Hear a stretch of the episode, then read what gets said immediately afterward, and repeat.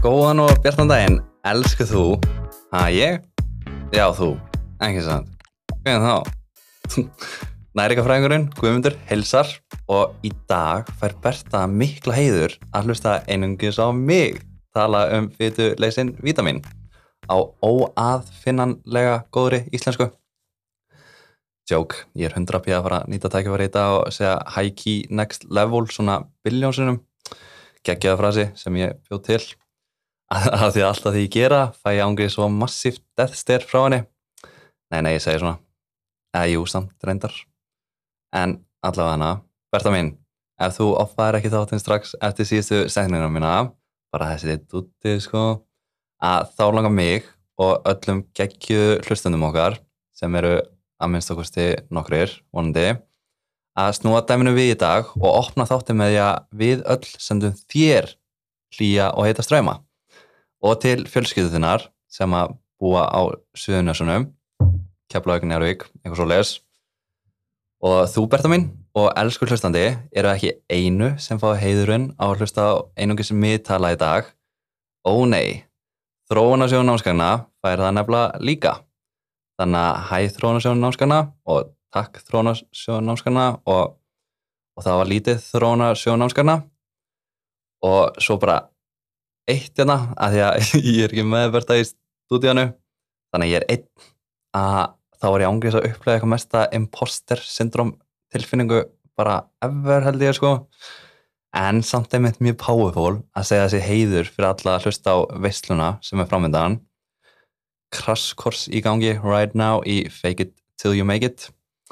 Og ég er með svona tíu púnta fyrir fram mér núna og ég til dæmis með skilbóðum frá Bertu fyrir þátt að segja að hún hafi fulla trú á mér með þetta í dag. War a Woman, takk Berta mín.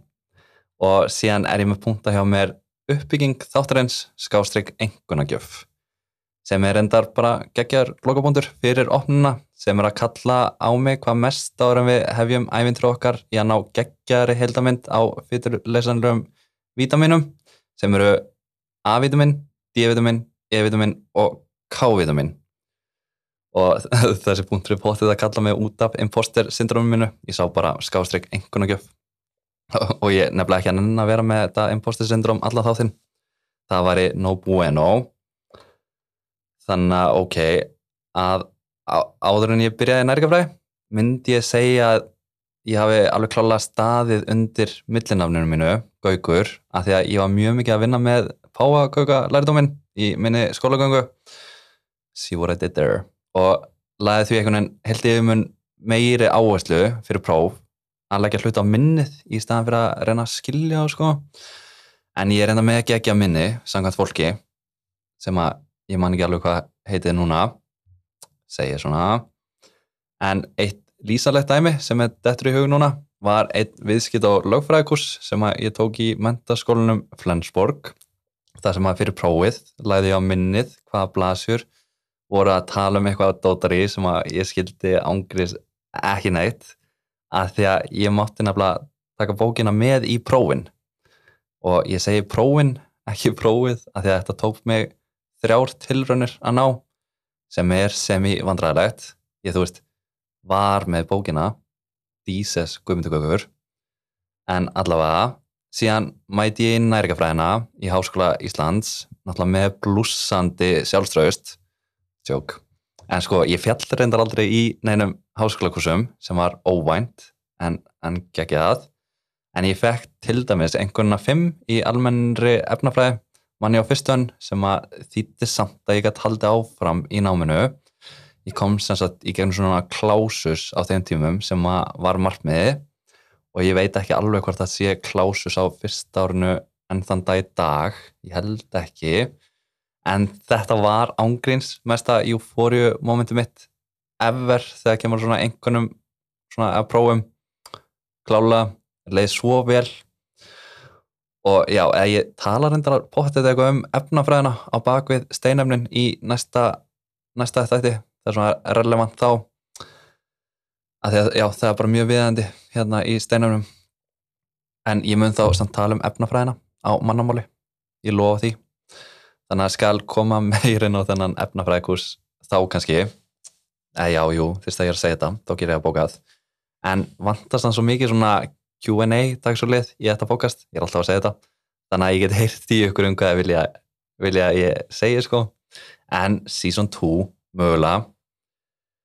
En punkturum minn var já, að ástæðan okkur ég er að koma inn á þetta er að ég fór í efnafræðiprófið án þess að detta í hug að fá tíu í einhvern það var alvöru Mission Impossible. Ekki Tom Cruise Mission Possible. Og ég með þess að slefti nokkrum köflum bara alfari fyrir lokaprófið og kaus frekar að reyna að skilja hína kaflana betur. Ekki samt að segja þessi missjón hjá mér að sleppa bara alltaf heilu köflunum fyrir próf ef ég get skilur en skil, skilur hvert ég er að fara með þetta? Ég er bara að segja að þú ert ekki að fara að fá tíu endila á prófi í fyrirlesalegu vítaminum eftir þáttinn. Kannski svona átta. En þá með skilning ja, það er margmið mitt að verði þannig fyrir þig. Ég gerði alltaf mitt allra, allra besta. Og bara með þessu hugafari ásamt því að hafa elskað að læra eitthvað nýtt um næringu alla dag í meirinn áratug. Og kannski helst líka frekar þegar ég var að byrja áttum á hversu stert tól næring getur verið fyrir okkur öll núna og svo í framhaldinu. Bara super important sko. Og ekki að ástæðulegsa að ég sé að kjósa að vinna 200% vinnuta til að koma þessu hlaðvarp út. En að þá með hugafarnu að vilja frekar skilja að þá er ég bara mjög stoltur að sjálfum mér. Sérstaklega með að við mína fyrir sem í sorgar skólagöngu þegar koma einhvernum að hafa fengið ágæðsengun í nærgafræði sem er einhvern milli 9 og 10 og, og líka, by the way, hægstu einhvern fyrir lokaverkefni í mastersnámi sem matal og nærgafræði delt hefur gefið frá stofnun deltarinnar sem var, var rosalegt. En þannig að með þessari ógeðslu markasetningu á sjálfur mér. Nei, nei, ég skrifaði samt ángriðis svona punktaðum í dag í skjálfum mitt og ég sagði bara, eða þú þorir að segja og veist, ég ákvað bara að þóra sko. En við erum öll með good intentions hérna, eða ekki? Það, það, það var þannig. Og við erum í þessu til að vaksa saman eins og bananar á tríi þannig að förum að stúdra fyrirlesuleg vítamin. Og, og eins og þið munið auðvitað úr síðasta þætti er bílaslega stutt síðan að vítaminin voru uppkvölduð og viðkjönd sem vítamin. Bara pluss mínus 100 ár sem er magnað og samkvæmt heimildum sem ég fann náði sagan cirka 3500 ár aftur í tíman um að það hefur verið komin einhver skilningur hjá The People um matvali sem gætu unnið gegn hilsu kvillum sem stöfu af vítamin skorti. Þannig að sem dæmi með the one and only Hippokrates sem er oft talin vera fadir læknisfræðirinnar sem væri, væri 2400 is ára gammal í dag en hann væri lifandi að þá ráðlega hann fólki sem átti erfuleikum með að sjá ákveðna stjórnur upp í himnunum á nætunar að fá sér svona beef liver, liver sem er pakkað af A-vitaminni að þegar liverin er helsti geimstustar A-vitamins hjá greinilega bæðu beef og líka hjá okkur manneskjum. Og er A-vitamin náttúrulega key fyrir sjónin okkar. Þannig að Hippokrates vissi auðvitað ekki þá hvað A-vitamin var endilega beint enda ekkert eðlilega vittluður sko. Tjók Hippokrates var mikið að vinna með kvotið Let food be thy medicine sem er og ekki ekki hugmynd að tatúi fyrir því Berta. Ég er nefnilega komið með eitt kvótatú sem er Sky's the Limit sem að ég fekk þegar ég var 18 ára. Þannig að mér finnst eitt kvótatú nóg fyrir mig. En, en við verðum samt að vera með sikkort kvótatúi svona fyrir podcasti. En það ekki ég þarf svo mikið stoppara með mér í þetta stúdíu sko. En, en allavega þetta var bara svona stuttumóli til að koma í samhengi um alla þá visku sem hefur orðið á vítaminum síðast liðin 100 ár eða svo. Og það er til og með alveg heil hellingur af rannsónum í gangi í dag sem eru að reyna að komast af hinnu og þessu varandi öll vítaminin og samband þeirra við heilsun okkar sem er alveg gaman að lesa en talandi um A-vítaminin sem er fyrsta fyturleysla vítaminið í dag og punkturinn minn áðan með að við þurfum á því að halda til að sjá stjórnunar og þú veist, ég held að við tengjum flest við stjórnir núna eins og bara frekar eins og þú veist, Ronaldo, King Kardashian og eitthvað.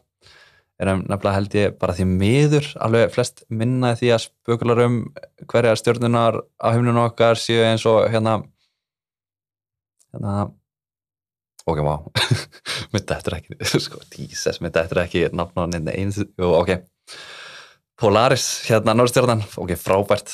Ég kvötta þetta út. Uh, en já, við gætum klála byrjað að tala um í dítalum um hlutverk A-vitamins þegar kemur að sjónin okkar en það er A-vitamin svona þekktast fyrir það hlutverk í sjóninni eða mikilvæg þess þegar kemur að ónæmiskerfun okkar ægslun, frumurskiptingu og beinhelsu og við gætum alveg. Tala, tala um það. Reyndar klikkastlega áhverð sko. En við ætlum munið bara að fá átta úr prófinu. Þannig að en ég er saman með annan punkt en það fyrir fram mig sem er mjög sniður að vita um. En þú þarf ekki endilega að vera að leggja neitt af þess að minnuð, bara svona rannskjörlega sko.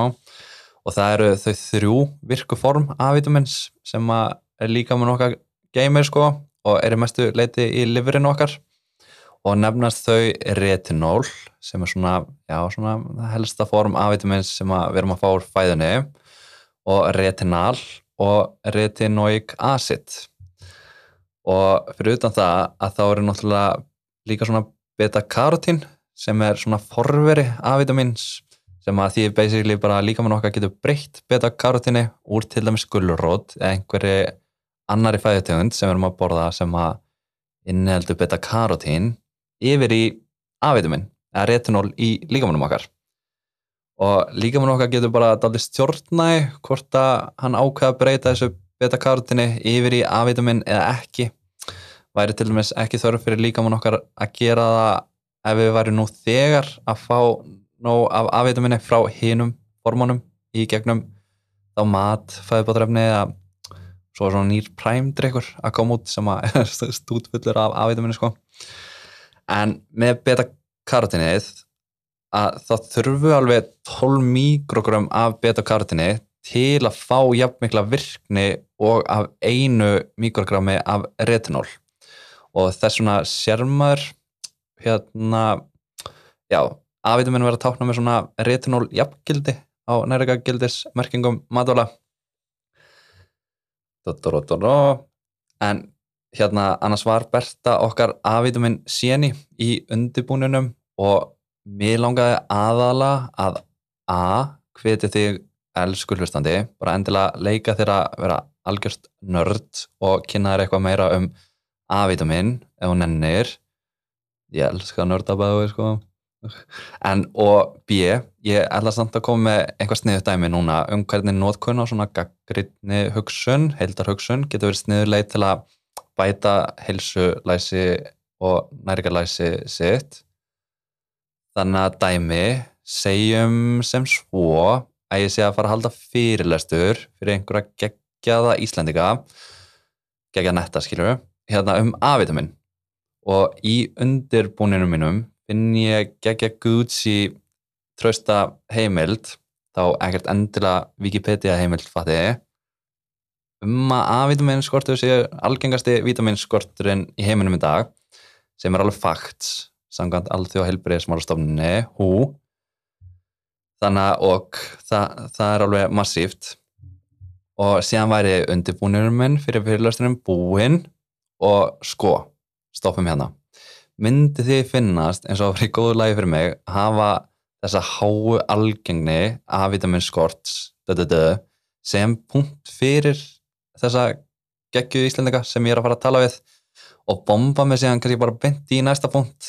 Og veist, ég meina þetta var alveg upp úr geggjara heimild og er alveg headline selur sko. Og ég, sko, ég myndi til dæmis ekki gera það að því að ég er því hrættur um að einhver einhver af þessum einstaklega myndi miskila skilabáðum minn að því á Íslandi hefur til að mynda verið svo miklu miklu meira í umfjöldunni á okkur vandi D-vitamin en síðan allt í húnum bara byrjast að margi með A-vitamin skort bara shit. Ok, ég fæ mig á bara fræmtrykkin ég var að heyra hann að vera með nóga afvita minni ég segi svona. Eða samt staðan. Ég skal, skal, skal tala um henn að dreyka eftir smá. Ekkert mál. En þannig að í þessu tilfelli og alveg fullt af svona tilfellin til að þá getur verið gott tækifæri að auka einmitt það skilning svona. Með því að segja að vitaminskortur er algengasti vitaminskorturinn í heiminum í dag að því að hann helst oft í hendur við vannæriku sem er þegar einstaklingar eru því miður ekki að borða nóg af orkugjöfandi nærikarafnunum kolum brotum fytu sem við tölum um í fyrstu þáttunum og eða emitt svona ofta á stöðum í heiminum sem að kannski helsta upp í staðan úr matnum er A-vitamins nöyð eins og hrísgrjón. Og því er A-vitaminskortur emitt tölvört algengari í þróunarlöndum eins og svæðum í Suðaustur Asju, Afriku, Indlandi og mið-Suður Ameriku og skorturinn er emitt óalgengari á Vesturlöndum og til dæmis á Íslandi enda alveg margir fæðflokkar fyrir okkur hérna heima á Íslandi sem innhalda eitthvað magna af A-vitaminu þá bara kjötafurur eins og lifur, mjölk, mjölkurafurur og ekkjaröður og eitthvað. Og líka svona forverum af A-vitaminu eins og þetta beta kartinið að þá eru við til dæmis með sæta karteflur, gullrætur, spínat og fleira. Og svo náttúrulega líka fæðbóturöfni eins og lísi og, og líka beauty creams og, og prime, prime drikkunum þannig að ok, einn loka pæling með prime drikkina sem eru sko popping right now og eru orðinir aðal sponsu USC barta drikkinir og eru svona tildulega nýkomnir hinga til lands og, og eru mjög sínilegir og bara einhvern veginn út um allt. Og til að byrja með seldustur upp á nanosekundu og, og sko, ég er alls ekki heitir ég lofa, ég vann til dæmis mikið með að horfa á Logan Paul hérna myndbönd til að byrja með sem er einn af arkitektum Prime Drixens og ég byrjaði ángríms að followa hann á YouTube þegar hann var með svona 20-30 subscribers sem er enda sama saga með Joe Rogan bókasti ég byrjaði að hlusta á Joe Rogan bara þú veist í þætti 60-70 eitthvað. Þannig að ég, það sem ég er að segja er að ég spotta talent mjög quickly sko. En ég er enda hættur að fylgjast með báðum í dag Já, stundum Joe Rogan, kemur alveg fyrir. En þannig að Logan Paul er solid, segjum það, og það geti alveg vel verið að fólkið á bakveg Drinking Prime séu bara mjög gott fólk með good intentions, þannig að ég ætla ekkert að blasta þannig að drikk emitt neitt súper mikið, en samt alveg smá red flag hjá mér með þennan Prime drikk, að því að hann er enginnandi að því leitum til að í einni flösku sem er halvu lítri eru 900 mikrogram af A-vitamini sem er akkurat minn rálaði dagskantur af A-vitamini og ég fæ mér til dæmis alveg eitthvað að mat sem innheldur A-vitamin og, og líka lísi á mótana. Svona oftast þegar, ég man eftir sem er með x magni af A-vitamini ekki með á reynu og síðan væru rálaði dagskantarnir fyrir 10 til 13 ára gamla mig til dæmis minnen 900 mikrogram á dag minnir 600 mikrogram af dag ef ég var 10-13 ára. Þannig að þá var ég einn drikkur að fara að skjóta fortíða mér yfir rálandarskamt bara því að ég sá einmitt strákundaginn og þeim aldrei vera þampað en hann præmdrykk þannig að yfir ráleginnar hjá honum. En ok, ég væri til dæmis alveg super dúper ánæður að sjá jafn mikið sínilega og aðgengi af þessum præmdrykk á stöðum í heiminum sem eru að díla einmitt við háa tíðinni af aðvituminn skort. Það verið ángríns æðislegt og ég myndi persónulega svo, svo betur á nætunar en fyrir okkur hérlendi sem eru ekki beinlinis í áættu á aðvituminn skorti er ekki alhafasamt og fyrir okkur hérlendis að sjá bara geðveika markasætningu hjá þessu teimi og bara fresh looking trick með nanolitunum og bara allan pakkan og fyrir okkur hérlendi sem er í skólagerfi sem gera verkum að við séum ekkert með neitt optimal heilsulæsi næringalæsi myndi ég segja. Ég var til dæmis alveg frekar off í næringalæsunum mínu áður en ég byrjaði í háskólanum. En við náttúrulega lærum dönsku og eitthvað eitthvað í staðan fyrir til dæmis næringafræði, sálfræði og allt þar fram eftir gödunum eðlilegt.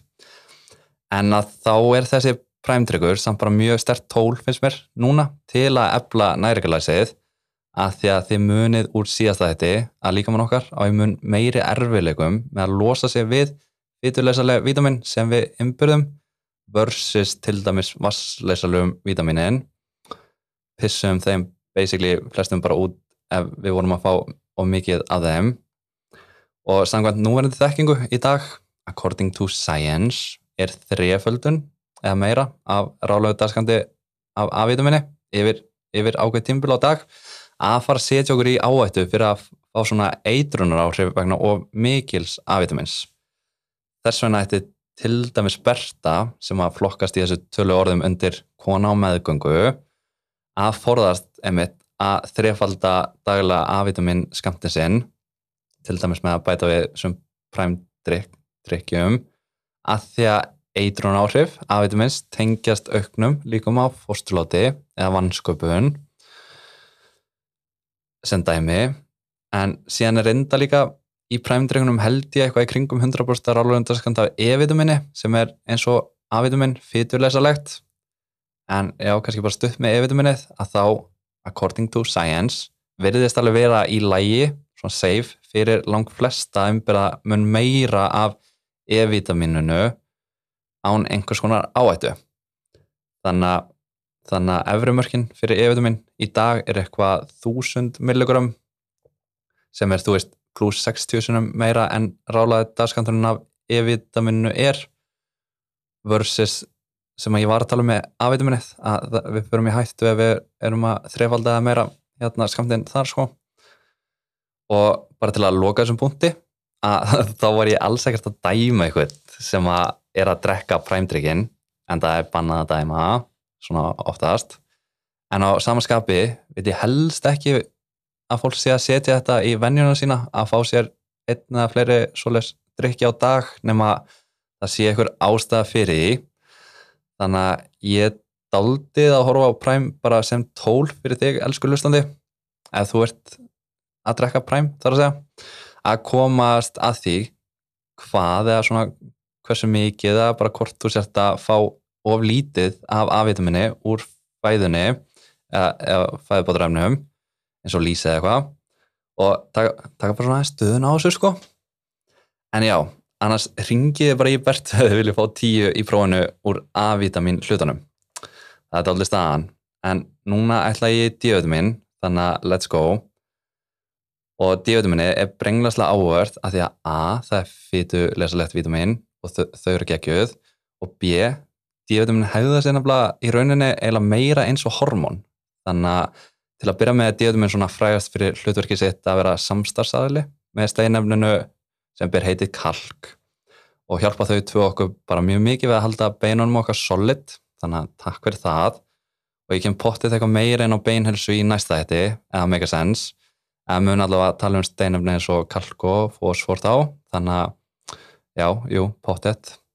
En með D-vitamin að vera í rauninni meira eins og hormón er að því að það gegnir alveg svona stjórnuna hlutverkum til dæmis ímsu dótari í líkamunum okkar og er díðumenn leikmar þegar kemur að skiptingu og vexti líkamsfrumnan okkar og sinnir hlutverki forvörd gegn skiptingu krabbamennsfrumna og hvernig hormonið insulín er myndað og seitt sem að munið hormonið sem að seitist út í blóðu okkar þegar við viljum koma auknum kólvetnum, sigri, glúkosa sem var upprunalega á matadistinum okkar og svo tekin upp í, inn í smáþormónum okkar og út í kjölfarið í blóðu okkar eftir einhverja jömmi jömmi kólvetnamáltíð sem til dæmis Berta fæði sér pottit í dag. Hún elskar kólvetni og svo hefur díutuminn líka svona bólguðandi einlega sem er næs. Þannig að emitt hafa sér aldrei bæðið eins og vítumenn og hormón það er aldrei staðan og að undanförnu hefur alveg verið mjög mikil áhersla í svona vítamin heiminum að mastera hver áhrif díutuminn eru á heilsun okkar.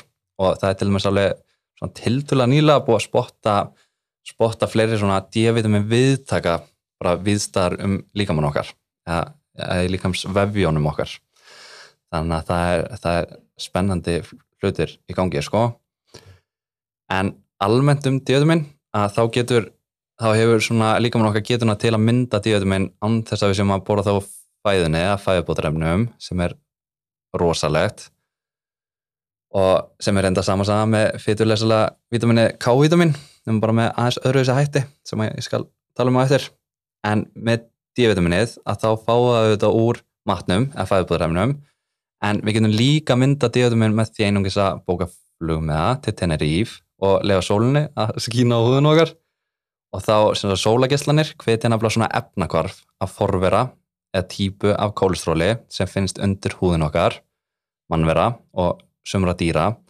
Og leið þetta efnakvarf millir sólageslana og kólesterólstæminsins undir húðun okkar að þetta kólesterólstótari umtyrnist í svona pre-vitamin D sem myndi þá í kjölfarið fara hérna frá húðinni og í blóðu okkar og ferðast, með, ferðast í blóðun okkar með svona aðstof fluttnisprótina að því að fytan ferðast með þannig stæl yfir í livrun okkar.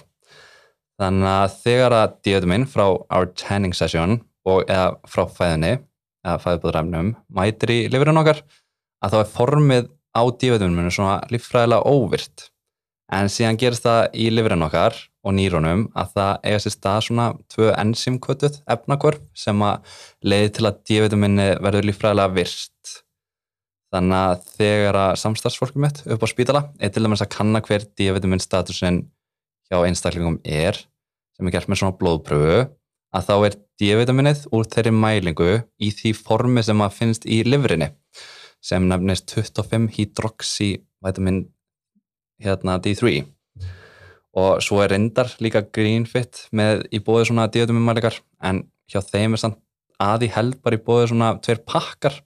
Íþróttablóðmælikin, ítalega blóðmælikin sem eru báðar að mæla meir en einungis díotumin og kosta held ég eitthvað millir 35 til 55 árs krónur. Veit ekki hvort það greenfit er að bjóða upp á svona þú veist bara díotumumæliku en það var líka alveg hægt að kanna status á heimilisleiknunum þínum á helsugæslunni ef ástæða er fyrir hendi. Að því að hver mæling kostar nefnilega alveg einhverja þúsund galla held ég. Og síðan er enda líka komið svona sjálfskitt í apotek sem er mögulega hægt að mæla díotuminu okkar upp á svona okkar innstæmi. En ég samt reyndar ekki alveg bóttið ráði hvort að þetta selfkitt geti mælt díotumin eða þá hversu áræðanlar þessar mælingar væru á eftir að tjekka á þessu.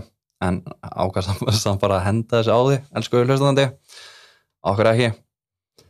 En á Íslandi og löndum sem eru ekki nóg útsett fyrir sólaljósi að þá eru ráleikungarnar fyrir D-vitamin aðeins herri og það er einmitt bara byggt á ófullnægandi D-vitamin myndun í húð yfir ansamarga mánuði. Og að því að D-vitamin er ekki heldur beint í mörgum fæðuflokkum eins og sum önnur vítamin D-vitamin finnst aðalega í feitum fisk og, og hérna já, bara google it sko en finnst svo auðvitað líka í hinnum ymsu mjölkufernum út í búð sem eru D-vitamin bættar. Og svo eru til dæmis ákveðin sveppir sem eru ræktaðir með sólarljósunu eða úti, reyndar líka sumir með eitthvað D-vitamin en væri það sérstaklega ekki ef þeir væru ræktaðir í gróðurhúsum. Magnað.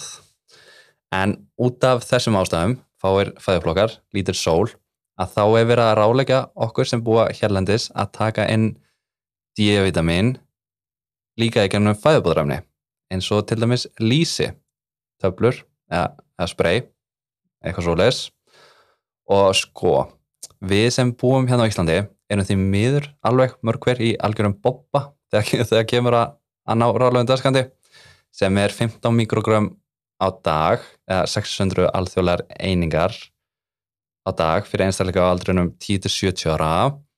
Og svo aðeins minna fyrir ungbötn og bötn þá 400 alþjóðlar einingar og svo aðeins meira fyrir einstaklega sem eru 71 og eldri þá 800 alþjóðlar einingar sem tengist helst mingar getu til að, til að mynda díotuminn með húðinni með hækkandi aldri. Og við viljum alveg klála verið kringu þessa rálaða dagskanta til að við sem að viðhalda æskilum gildum af D-vitamininu í líkamunum okkar sem er á bylnu 50 til 150 nanomól per lítra af þessu formi sem fannst í lifurinni hérna 75 manna.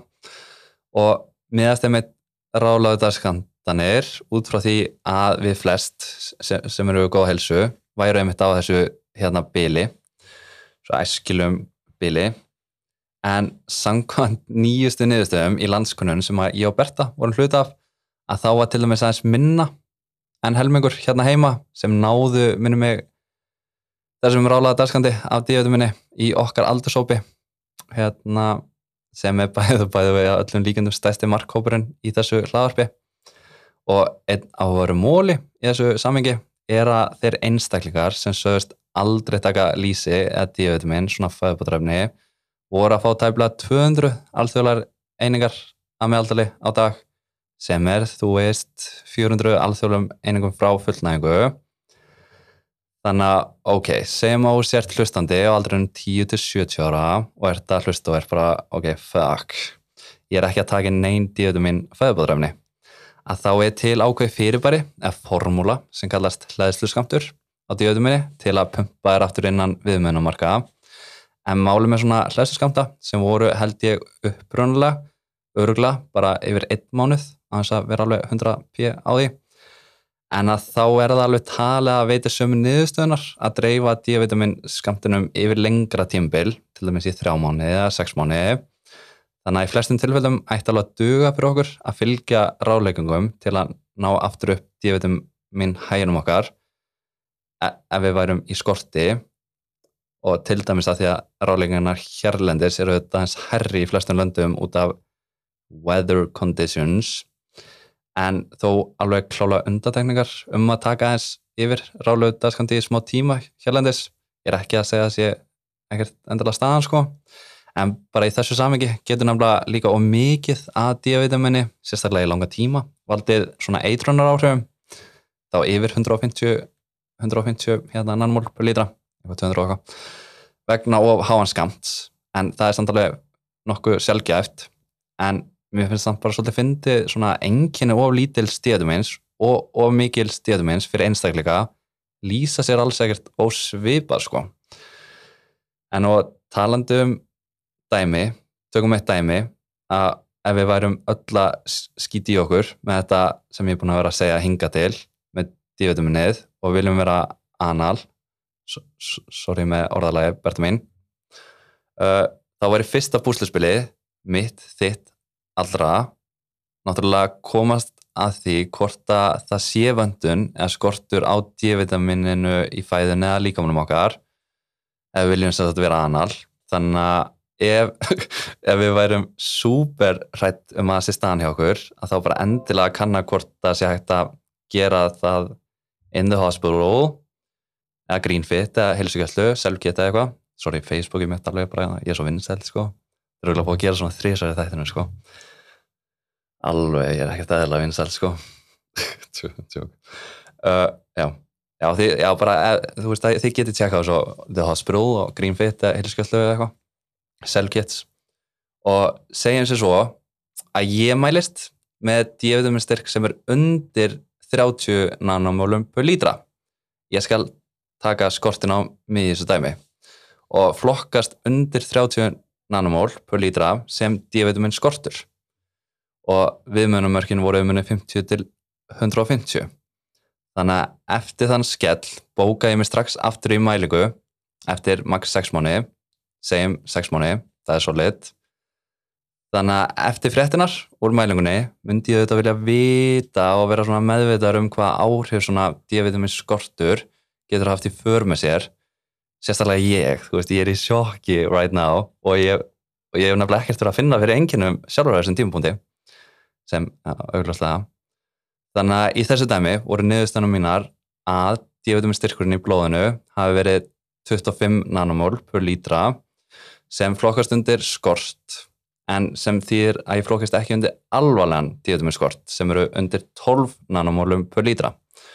Og getur alvarlegur díotuminskortur til dæmis valið beinkrömm eða rickets hjá börnum þar sem beini fótlegjum, bokna og rifbeinsvigna og beinmeru eða svona osteomalasju hjá fullonum þar sem skorturinn lýsir sem, sem mjúk kalk lítil bein. Og er það því að díotuminn hjálpar okkur einmitt að auka upptöku kalks úr meldingar beinum okkar. Þannig að nöðsynlegt fyrir viðhald og uppbygging og beina.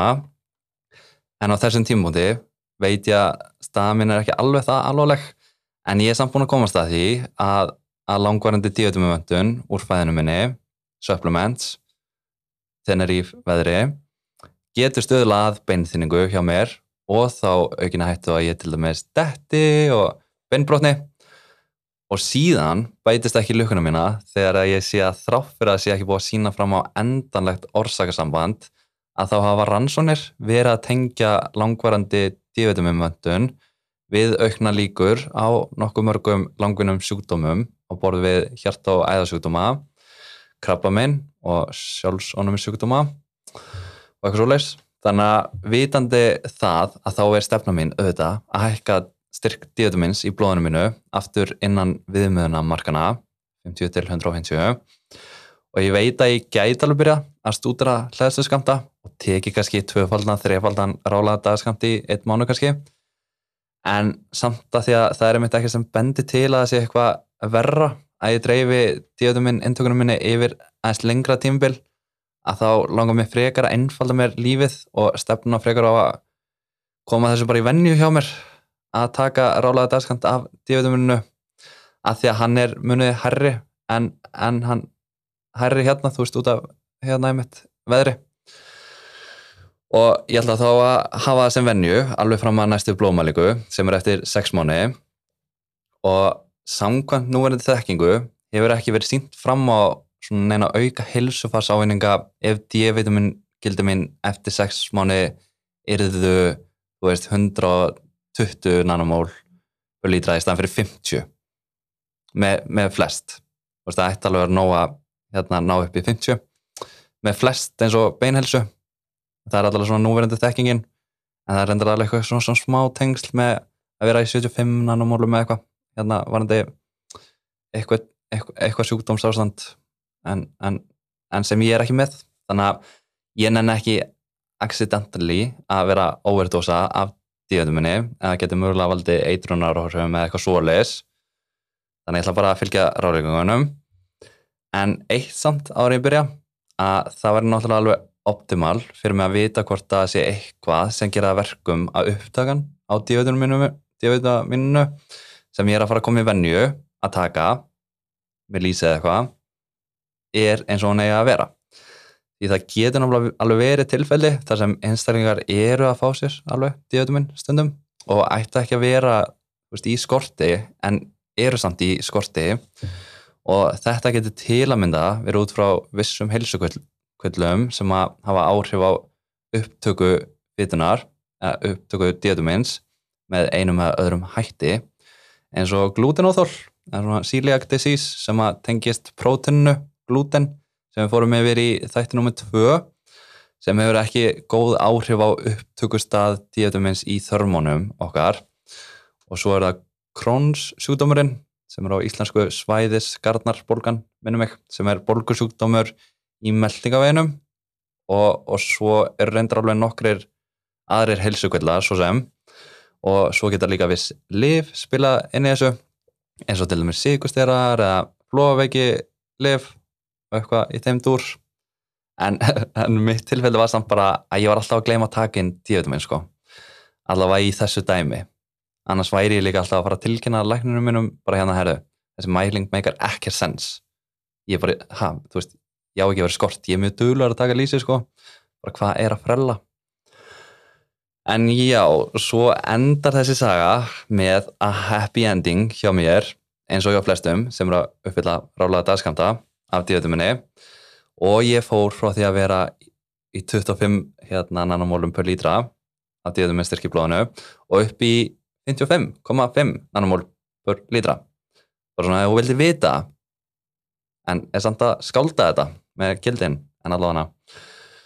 Og svo er í rauninni ekkert eitthvað mikið meira um díðutuminn að segja í season 1 sko uh, mér langaði bara aðalega að teikna upp þetta dæmi og markmið með þessu dæmi var einmitt deila bara að hælæta að já við á Íslandi þurfum alveg að huga sérstaklega að D-vita mínunu og bara svona samkvæmt mínu skilning í dag sem er sínist allavega út frá svona nýjasta litteratúrnum að þá ætti hugafarið með D-vita mínunu meira með þetta snúast um bara jafnvægið.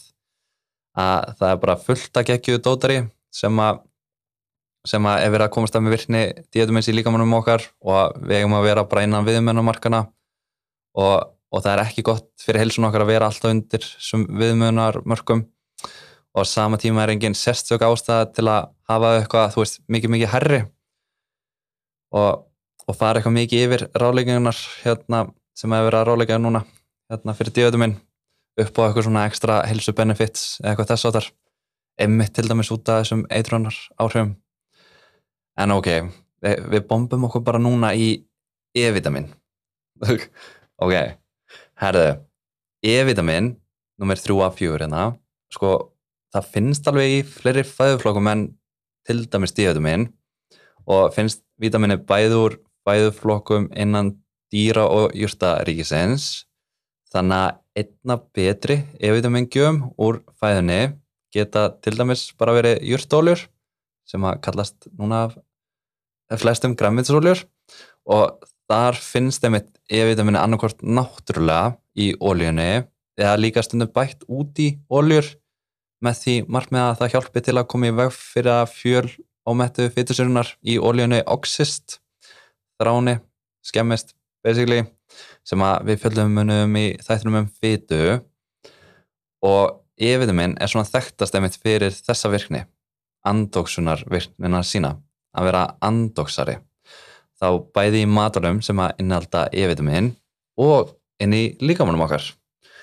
Þá er raunin að gera það sama, að venda okkur gegn einhverju sem getur skemmt matinn okkar eða þá okkur. Þannig að þakklæti E-vitamin. Þannig að fyrir utan líkamann okkar, til dæmis á eldurspornu, vildu við ekkert hafa ólíuna opna eitthvað súper lengi og veita súrefni aðgengi til að byrja að hafa áhrif á að ólían oxist og skemmist. Og fyrir innan líkamann eða fyrir innan líkamann gerist það bara náttúrulega til dæmis í uh, efnaskiptaferðlum bara þegar við erum að búa til orku eitthvað svoleis að súrefnis frumend reaktar við annað efni sem leiðir svo til sköpun á nýju efni sem ber heitið syndurefni eða free radical sem vantar eina rafend til að líða vel og þessu nýja efni langar að líða vel bara sem fyrst og lítur í kringu sig. Finnur eitthvað fytuefni eða whatever sem er í umhverfinu sem er með auka rafend og ákveður að stela rafendinni af því og, og breyti þá basically því efni sem það var að enda við að stela, stela frá í syndurefni að því að nú vantar fórnarlampinu auka rafend og E-vitaminnið eða hetjan í þessari sögu tekur eftir þessu og segir bara hérna stopp og, og fornar í rauninni sjálft sér sko með því að veita þessum þjóf rafindina sína á að það byrja að fokka í einhverju öðru og stoppa því áframhaldandi svona keðjuverkun. En og ég veitum minni verður þá stand að syndurefni að það er búið að missa rafind en nema bara mun tillara syndurefni ekki svona árosókjant eins og hitt efni sem betur fer. Og síðan getur líka mann okkar einmitt bara að losa okkur við þetta umbreyta E-vitamin og eða endurunnið, eitthvað part af af, af því sko. Og þar getur til dæmis mætt leikmaður sem að nefnist C-vitamin sem er líka andóksari og hjálpa í endur vinslunni á E-vitaminu með því að gefa frá sér þá rafend þannig að það sem ég er að reyna að segja við ykkur er að vítamin og líkamann okkar er geggjað fyrirbæri. Það er bara nákvæmlega svoleis og já, kannski bara stikla á stóru hérna í eitthvað, eitthvað lógin hérna, eitthvað ávart með E-vitaminnið mm. já, það er frekar viðkvæmt þegar kemur að hýtun vinslu og gemslu og, og getur því það þú veist, þá orðið minna magna vítamininu til dæmis þegar við erum að elda eitthvað, eitthvað úr einhverjum unnum matalöfum og eitthvað út frá gemslunni en, en það er samtalið mun minna um E-vitaminskort í dag á heimsvísu í samanburði við til dæmis A-vitamin og D-vitamin og einn ástæðan líklegast er að því að það er svo mikið að svona hérna, E-vitamin í græmitsóljum eða svona hjörtóljum og til dæmis skyndibitum, hérna snakk og allt þar fram eftir guttónum þótt, þótt að einmitt að hluti af yfirtöfnum gæti alveg vissulega tapast með einum að örum hætti þar. En já og síðan sendi, sko, Bertha sendi mig fyrir þátt hérna, því að hún var líka með það einhverja grein inn á hilsa.is sem er síðan sem að ég hef aldrei farið inn á. En í greininni stóð að, og þetta er bara bein tilvitnun að stendur E-vitamin hefur af sumum verið kallað skildu vitaminnið vegna þess hver erfitt er að fá það magn sem líka minn þarnast úr fæðinni nema borða meira en 5000 hitaðningar á dag. Og, og ég vona náttúrulega sko að höfundu greinarinnar sé, sé að hlusta hann á þátt. Tíser sko. Eitthvað að lesa þessa grein til dæmis bara fortíða ég og ég bara, já, ok, herru, ég bara, ég er búin að vera að lesa um bara hvað efitum minn er mikil hetja. Og bara, herru, ég ætla bara að borða 5 ást hitæningar á dag, eins og það skapa ekki eitthvað annað annað við þessum, sko, eða, veist, maður veit aldrei. Ég, þú veist, alveg eins verið þú veist, þegar maður er svona að læra um þetta í fyrst skipti, sko. En, en, já þannig að, já, bara þú veist, ég vona ótrúlega mikið bara að þessi þáttur hérna hjá okkur sem veistla með okkur, eða, við saman að sé svona smá aðefla nærika læsið þitt en það er alltaf margmið þannig að og að helsa.is sé mögulega, mögulega besta, besta heimildin sko og heimildir eru ký og að lesa á milli línana er líka, líka ký að því að að því að 5.000 hittæninga getið einmitt, já, skapa eitthvað annað og við þurfum ekki hérna að vera að hugsa ótrúlega mikið um yfirtuminn skort en bara einmitt. Ef að fara í K-vitamin sem er, sem er það síðasta. Já ég til ég ég er svo til ég að sko. Og K-vitamin er síðasta vitamini sem við hefum eitt stefnum á að fara með ykkur í gegnum, gegnum en það er ekkert vitamin eftir það svo sem. Nema þú náttúrulega uppgötur eitthvað nýtt vitamin fyrir mig, elsku hlustandi. Það var high key next level og ég hef trúaður Nobes velun á þig, let's go. En engin pressa samt. En bara stutt eins og við komum inn á áðan að þá getur líka með nokkað myndað D-vitamin með aðstóð sólarinnar og ég, þú eitthvað dýr getum einnig mynda K-vitamin án þess að fá það á fæðinni. Þannig að sammeilið við D-vitaminnið en með K-vitaminnið að þá er það bakteríunar í rislunum okkar sem sjáum að mynda K-vitamin sem er geggjað. En og að undarförnu hefur samtalið verið að aukast um eitthvað vísbendingar úr rannsóknum sem að er að sjá tengsl við ákveðna helsufars vinninga að fá K-vitamin líka úr fæðinni sérstaklega K1-vitaminsformið svona er mér að sínast sem er til dæmis í grænmeti sem er, sem er grænt á litin. Og svo er líka form sem heitir K2-vitamin sem að our gut býr til. Og svo K3-vitamin sem er made in the lab þannig að bætefni, eitthvað svoleis en einmitt yfirleitt hefur svona mentality heitið verið þannig að bara hérna er við getum búið til það vitamin sjálf þannig að okkur eru að pæliði að fá það úr fæðinni? En sem er samt verið að gera núna verið að pæliði dag og nótt og lýsandi dæmum K-vitamin þegar maður vil skilja einhverjum það svona, svona sem best fyrst að mínum að þið allavega er að horfa út frá þegar við fæðumst og ég get pottið komið eitthvað tjúsi um það. Geðum við sekundu.